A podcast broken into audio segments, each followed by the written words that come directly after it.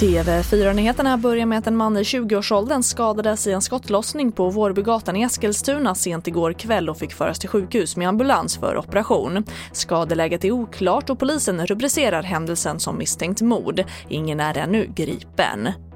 Och i år ställs alla offentliga julfiranden in. En grupp som drabbas extra hårt när vi inte får samlas är hemlösa och socialt utsatta.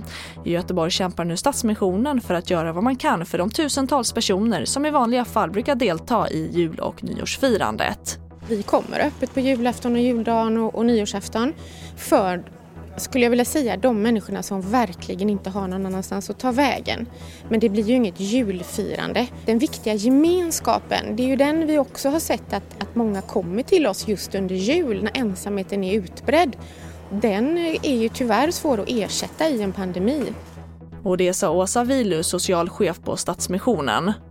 Och Barncancerfonden har i år fått in rekordmycket pengar trots coronapandemin. Framförallt är det de privata donationerna som ökat. Pengar som kommer från olika företag har istället minskat. Totalt ska 146 miljoner kronor delas ut på 100 olika forskare runt om i Sverige. TV4-nyheterna, jag heter Charlotte Hemgren.